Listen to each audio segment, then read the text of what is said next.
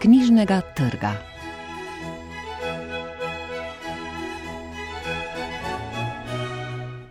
Dobr dan. V oddaji iz knjižnega trga nas čakajo roman Dimitrija Rupla Bazar, pesniška zbirka Mete Kušar Zmaj, biografska knjiga Ljudmile Saraskine Dostojevski in knjiga Rojevanje slovenskega diplomatskega jezika v uredništvu Janeza Šumrade. Recenzije so napisali Ana Lorger, Tonja Jelen, Simon Popek in Isto Kilih.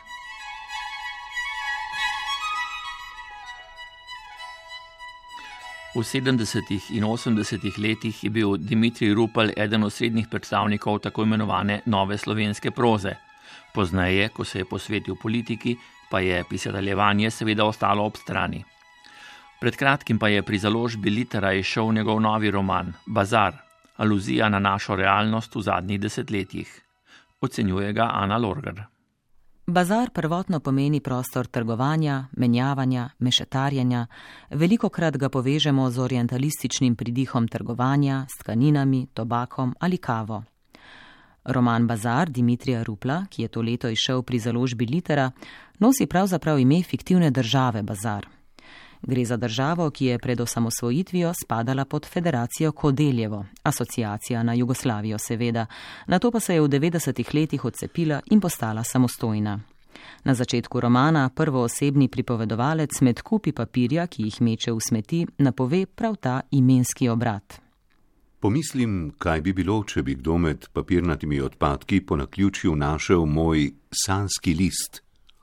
Ljubljana bi se lahko imenovala Savana, Ljubljanica Savica, namesto Slovenije bi bil bazar. Osebe v romanu imajo veliko usporednic s slovenskimi osamosvojitelji in kulturno-političnimi akterji v duhovno-zgodovinskem kontekstu slovenske samostojnosti. Anastas Starski bi lahko bil Dušan Pirjevec, Franko Černi nosi usporednice z Milanom Kučanom, Artur Kodel bi lahko bil Tito, prvoosebni pripovedovalec pa Dimitri Rupel sam.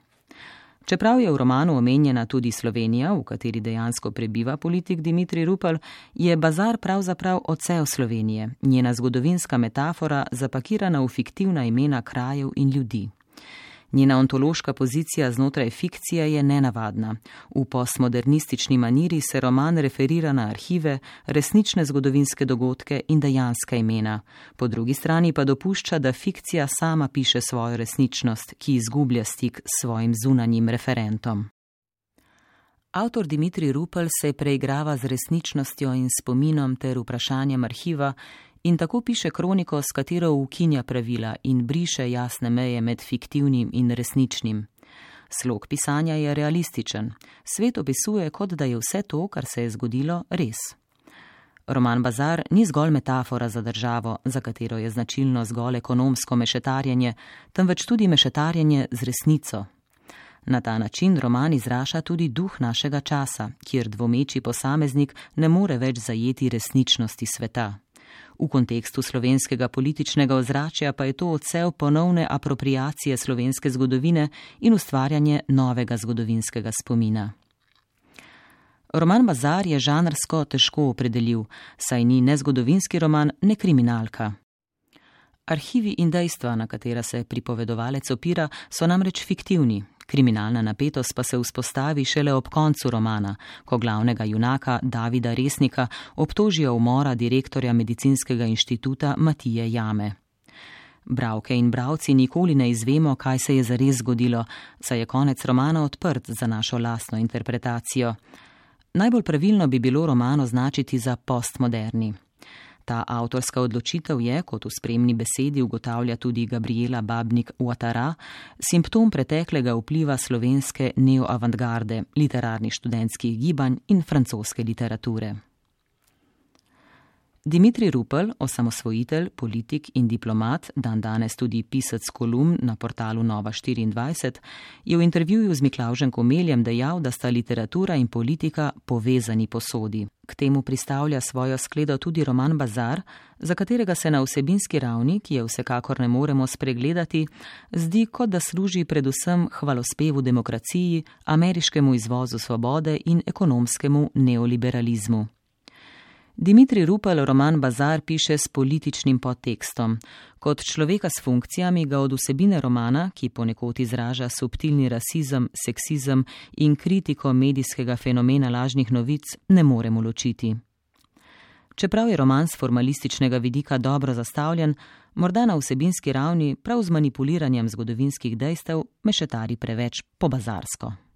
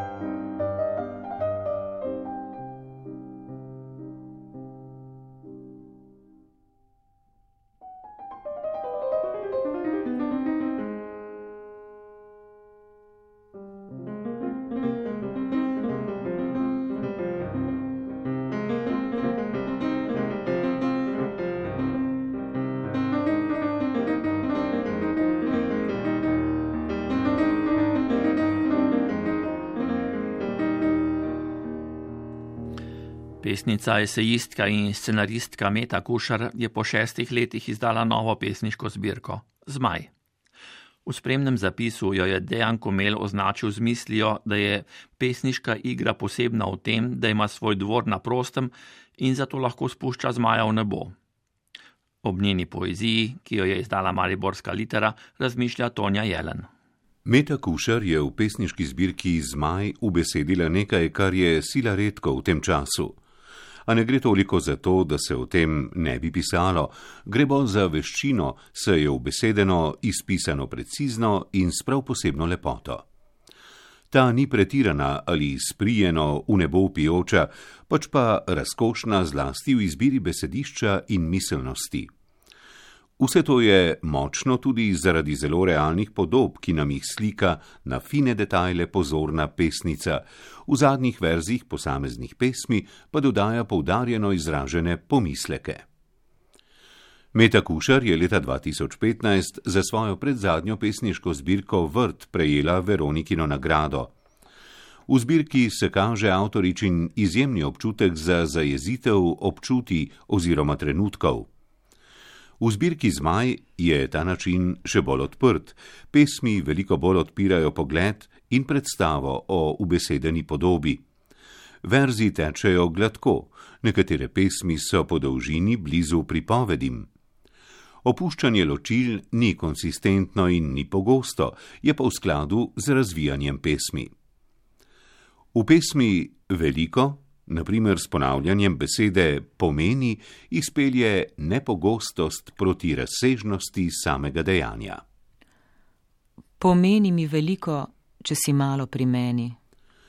Naslov res da lahko asociira na kaj slabega, če motiv zmaja povežemo z zahodnjaško interpretacijo, a v zbirki gre predvsem za dva vidika. Prvi je motrenje ali varjenje, kot pravi Meta Kušar v pesmi Varivka kako praznino vrta naseliti z dišečim cvetjem. Drugi vidik pa je prav lepota videnega, opazovanega, torej občutenega, zmaj nas namreč vabi v svet hvaležnosti, lepote besed, odnosov. Zato pa mora biti zaslužen predvsem posameznik oziroma posameznica. Ob nekaterih osebno izpovednih pesmih je zbirka o obstoju lepega, tistega, na kar danes skoraj da pozabljamo. Za primer navajam verza iz pesmi Zdravilna hrana. Ko besede naložim na skorjo belega kruha, postanejo sladke. Pa vendar vsa lepota in premirje nista večna, kot pravi ta verza v pesmi Taki majski dnevi. Srčna ves je čudovita ves, ampak ne traja. Pesnica Metakušar nam torej kaže tudi praznino in hladnost sveta. To je kot krik opozorilo na izrečenost krutega. Posamezni deli namigujejo na prekletstvo, ki ni pozabljeno. Pesmi torej gradijo tudi na mitskem izročilu in poskušajo postati preroške, prav v smislu, da sta zloveščost in zloba podobni ognju in zmajevemu repu. Oboje se vrača in kaznuje. Začudati nauki ne delujejo žugajoče ali utilitaristično, prej nas uvedajo v razmislek in presojo o tem, v čem se lahko znajdemo oziroma smo se že kar znašli. Pesmi v zbirki Zmaj so na nenehni tehtnici in presoji. Ta pa postaja tudi vprašljiva. Zlasti je to pesem istega dne, v kateri pesnica pravi: Feminizem lahko manipulira enako kot patriarhat. Toplo srce, kadar je žensko in moško, drugemu krila razpre. Po eni strani avtorica provocira in po drugi strani zagovarja predvsem tradicionalno zagovarjanje moške in ženske energije. Tomaš Šalamun je o zbirki Jaspis zapisal, da je to najboljša zbirka Mete Kušar dotlej. Mirno lahko rečem, da avtorica postaja celo boljša v svojem poetičnem izrazu. Ta je gibek in izbran v jeziku ter tehten v občutenju sveta, ki je lahko lep predvsem v naravi in redki človekovi dobroti, če je že človek človeku postal volk. Dobra poanta zbirke pa je tudi v diametralnosti sveta, ki jo pesnica vse čas podaja skozi zbirko.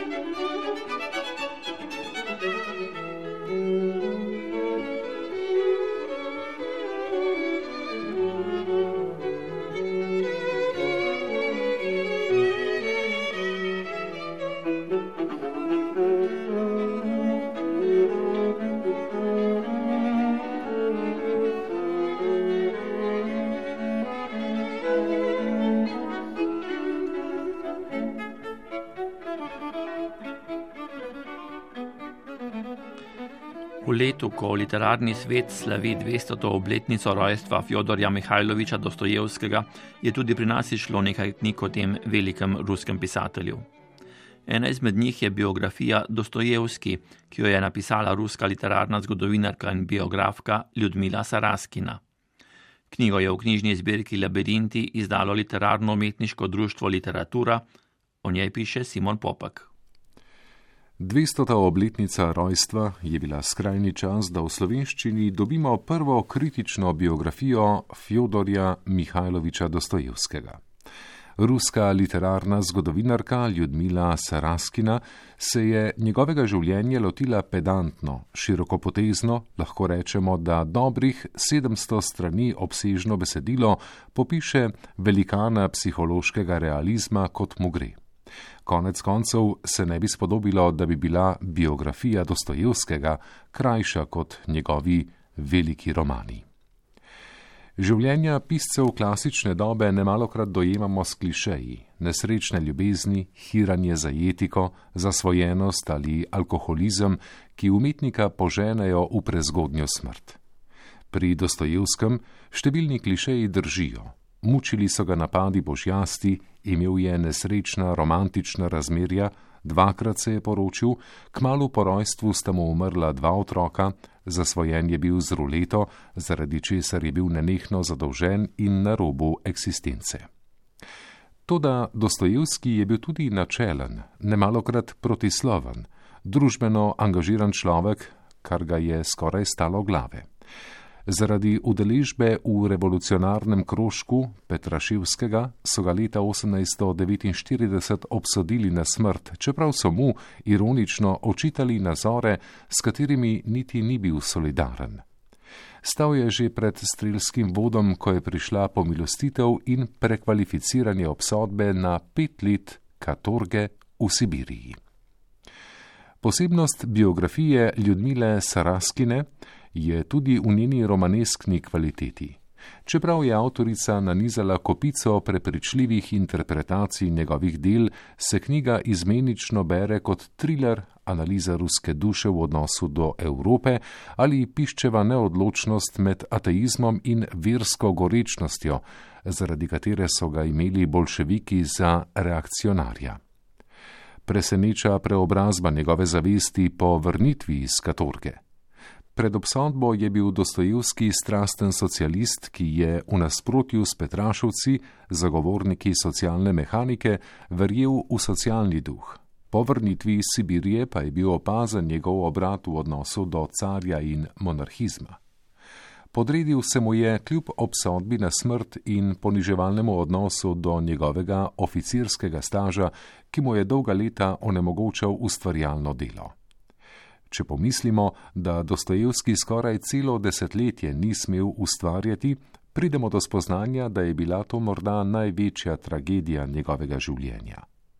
Po drugi strani nekateri zgodovinari menijo, da so katorga, poniževanje in trpljenje koristile njegovemu talentu in razvile v njem popolnost psihološke analize.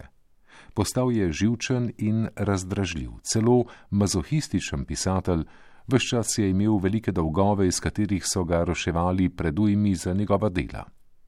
Najbolje je funkcioniral v sistemu stalnega dolga, to pisanje po sili je, kot trdi prevajalec Borut Kraševec, tudi izoblikovalo njegov pisateljski slog, ki zaradi neprestanega hitenja in lovljenja rokov nikoli ni bil, sploh v primerjavi s Tolstojem, estetsko dovršen pač pa je Dostojevski ostal nepresežen v psihološkem smislu, v idejni in duhovni plati. Del te plati je sigurno prinesel iz Katorge, kjer je spoznal kopico likov, zgodb razbojnikov in potepuhov. Dostojevski tam morda ni spoznal Rusije, to da spoznal je rusko ljudstvo, tako da tega časa ni dojemal kot povsem izgubljenega. Usoda je naredila še en krok in mu dala enkratno gradivo za zapiske iz mrtvega doma, delo, ki mu je po vrnitvi vrnilo nekdanjo slavo in mu dalo mesto, ki si ga v literaturi zasluži. Biografija Ljudmile Saraskine je izčrpna v marsičem, še posebej aktualna pa je kot idejna in kulturna zgodovina Rusije, katere imperialne težnje je Dostojevski v poznih letih strastno podpiral. Poraz Rusije v krimski vojni je spremenil njegov svetovni nazor. Kritiki so ga razglasili za crkveno-monarhističnega imperialista. Zagrenjen in nacionalno ponižen je bil zaradi vojaškega poraza, razočaran nad egoistično evropsko politiko, med drugim je dolga leta skušal priti do odgovora na vprašanje, ali je Rusija del Evrope. Proti koncu življenja je imel impulzivne reakcije, pomešane s patosom, racionalnemu, pragmatičnemu razumevanju politike, je nasproti postavil utopično razumevanje zgodovine. Njegova politična stališča so bila neredko naivna in odtrgana od resničnosti, za še posebej kontroverzno pa lahko danes jemljemo njegovo podporo monarhistični oblasti, čež da edina v svoji visoki nepristranskosti lahko ščiti ljudstvo in Rusiji zagotovi največjo svobodo tiska, shodov, veroizpovedi in tako naprej. Karkoli si že mislimo o Dostojevskem, enoznačnega odgovora na 700 straneh biografije Ljudmile Saraskine ne bomo našli. Njegova zapuščina je brezmejna, ob literarni dediščini mu lahko pripišemo vsaj še humanizem, iskreno vero v ruski narod in pretanjen duh za pravičnost.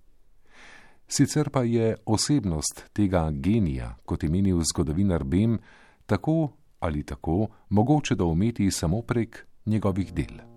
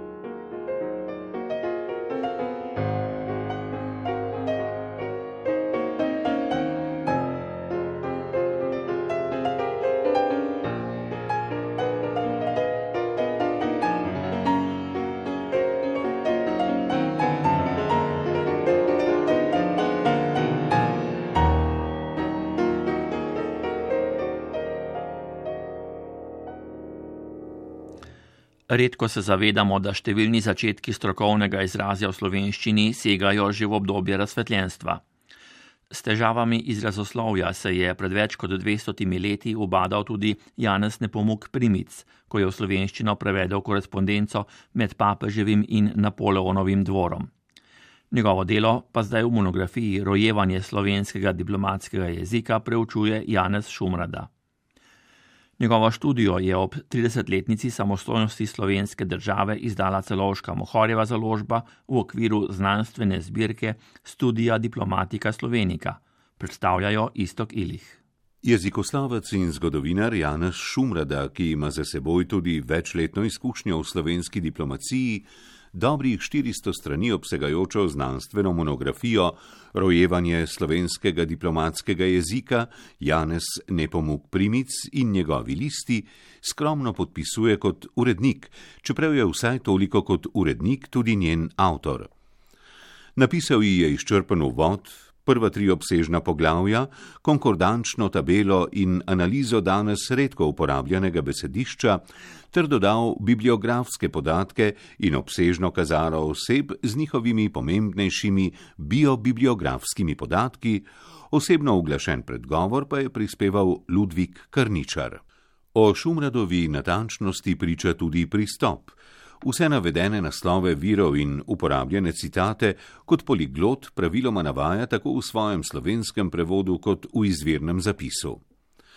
Hkrati je Šumradovo roko v številnih opombah in komentarjih vse skozi čutiti tudi v osrednjem delu knjige, tekstno kritični objavi listov, pisanih med rimskim in francoskim cesarskim dvorom. Tako označeno dopisovanje v slovenskem prevodu Janeza Nepomuka Primica dobrih 200 let po nastanku, ko s potrebnimi pojasnili in skrbno izbranim ilustrativnim gradivom stopa pred javnost, seveda nima več vloge in pomena, ki bi ga imelo, če bi prišlo v roke večjemu številu pripadnikov takratne protinapoleonske opozicije, kot je bilo načrtovano. Kljub že nekaj let prej v ljubljanskih novicah objavljenim izvlečkom iz mirovnih pogodb med zmagovitim Napoleonom in poraženo Avstrijo, ima veljavo prvih pomembnih diplomatskih dokumentov v slovenščini. Gre za na površju diplomatsko vljudno, v bistvu pa zelo ostro in z Napoleonove strani ukazovalno korespondenco med francoskim dvorom in dvorom papeža Pija VII, ki se je končala z Bonapartejevim dokončnim padcem leta 1815. Janez Šumrada je njen nastanek in tajno razširjanje po Evropi postavil v širok za razumevanje celote nujen zgodovinski okvir. Sestavil ga je z analizo francoske revolucije 1789 in krvavega jakobinskega terorija, ki ji je sledil, in je bil uperjen tudi zoper katoliško crkv in vero. Po vzponu na oblast je politiko podrejanja cerkve nadaljeval tudi Napoleon. Papeški državi je postopoma oduzel večino ozemelj in lastnine, njeno moč je omejil s civilnim zakonikom ter dal leta 1809 Pija VII z najožjimi sodelavci, potem ko ga je imenoval Norca, ki ga je treba zapreti, konfinirati v Franciji, da bi ga lažje nadzoroval. Cerkveni poglavar z zvestimi kardinali in velikim delom duhovščine pa se tudi po ukinitvi papeške države ni dal zlomiti. Ohranjeni dopisi pričajo o njegovem kljubovanju cesarjevim zahtevam in pritiskom, o čemer je crkvena in širša javnost izvedela šele iz tajnih v jezike evropskih narodov pod francosko oblastjo prevedenih natisov pisem in komentarjev, ki so se izmaknili strogemu policijskemu in cenzorskemu nadzoru. V času ilirskih provinc je bila za razširjanje teh za Napoleona neugodnih informacij zainteresirana tudi razkosana Avstrija. Prevod iz nemščine v slovenščino so spomladi 1809 zaupali mlademu Janezu Nepomuku Primicu. Avtor posebej uriše tudi družbene razmere v njegovem času, ki je delo opravil v dveh mesecih. Rokopis listov, kot je na kratko imenoval tajno diplomatsko korespondenco, v takratnih političnih razmerah ni mogel biti natisnjen. Skoraj pozabljen je obležal med primičevimi papirji, ugotavlja Šumrada. Če bi takrat išel, dodaja, pa bi igral pri slovenski duhovščini z njenim posredovanjem, pa tudi pri najširših plasteh slovenskega prebivalstva, pomembno motivacijsko politično vlogo.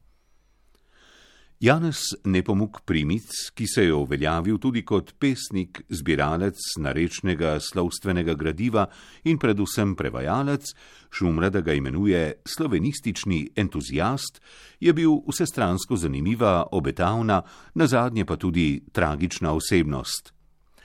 Z njim je tesno povezano zanimivo, a malo znano poglavje iz dobri dve stoletji odmaknjene slovenske zgodovine. Primic je namreč v Gracu na Štajerskem leta 1810 ustanovil prvo slovensko znanstveno društvo Societas Slovenica, dve leti pozneje pa na tamkajšnjem liceju še stolico za slovenski jezik, prvo tovrstno znanstveno ustanovo nasploh. Čeprav je Primic na njej poučeval le tri semestre, je zapustila pomembne sledi. Izpolnitev daljnosežnejših načrtov je onemogočila njegova duševna bolezen, ki jo avtor označuje za blaznost. Po tem zlomu je primic učenec Valentina Vodnika in nekaj časa, dokler se mu ni zameril, velik kup Jrneja Kopitarja v bedi životarju še deset let. Ob 190-letnici začetka delovanja stolice v Gracu so mu slovenistični nasledniki na pročelju nekdanje jezuitske univerze v Gracu odkrili spominsko ploščo.